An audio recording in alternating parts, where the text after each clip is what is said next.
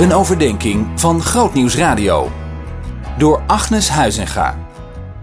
Nou ja, dit is inderdaad onze laatste overdenking over de kenmerken van Jezus. En weet je, hij wil die zichtbaar maken in jou en mij. Alleen die gedachte vind ik al heel spannend.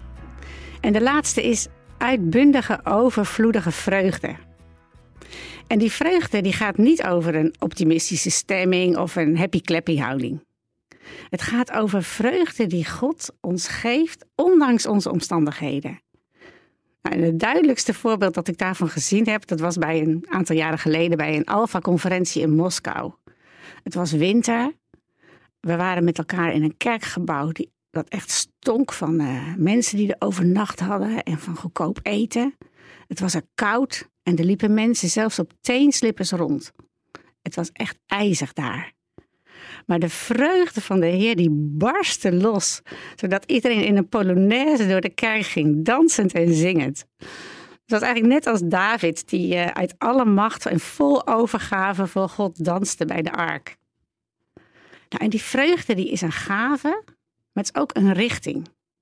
In Filippenzen 4, vers 4 staat: Laat de Heer uw vreugde blijven. Ik zeg u nogmaals: wees altijd verheugd. Maar waarin dan? In de Heer. En misschien vraag je bij deze overdenkingen wel eens af van hoe sterk de invloed van Jezus is om verandering in je leven te bewerken. En, en weet je, het is eigenlijk altijd een proces. Het is een dagelijkse keus in je denk, om je denken te vernieuwen, om één te willen zijn met de wil van de Vader. En om tijd door te brengen in zijn helende aanwezigheid. Nou, ik heb daar best wel eens bemoediging in nodig, want dan valt het weer tegen. En dan helpt het mij om naar Petrus te kijken. Heel veel van zijn tekorten, die, uh, die werden soort weggebrand door het vuur van de geest met Pinksteren. Maar uh, hè, toen was hij eigenlijk een hele stabiele en betrouwbare uitlegger van het evangelie. Maar sommige dingen bleven hangen. Bijvoorbeeld zijn rassenvooroordeel. En hij had later een speciale aanraking van God nodig om dat los te laten. Want de geest zei toen tegen hem dat hij zonder aarzelen met de niet-Joden, die dus voor hem eigenlijk outcasts waren, mee moest gaan.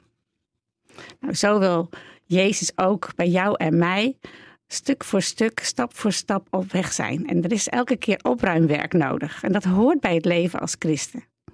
Laat je er niet door ontmoedigen, maar kijk naar Jezus, naar zijn levengevende liefde, zijn redding. Dat is de bron van onze vreugde. En we mogen met Paulus zeggen, ook al gaat ons uiterlijk bestaan verloren, ons innerlijk bestaan wordt van dag tot dag vernieuwd. En uh, zij die de Heer heeft bevrijd, komen jubelend naar Sion, gekroond met eeuwige vreugde. En vader, daar willen wij u voor danken. Dat aan het eind van deze overdenkingen we u mogen dienen met vreugde. Heer, geef dat in ieder van ons wat onze omstandigheden ook zijn. We prijzen uw naam. Amen. Zien in nog een podcast? Luister naar Zorgen voor je ziel via grootnieuwsradio.nl/podcast.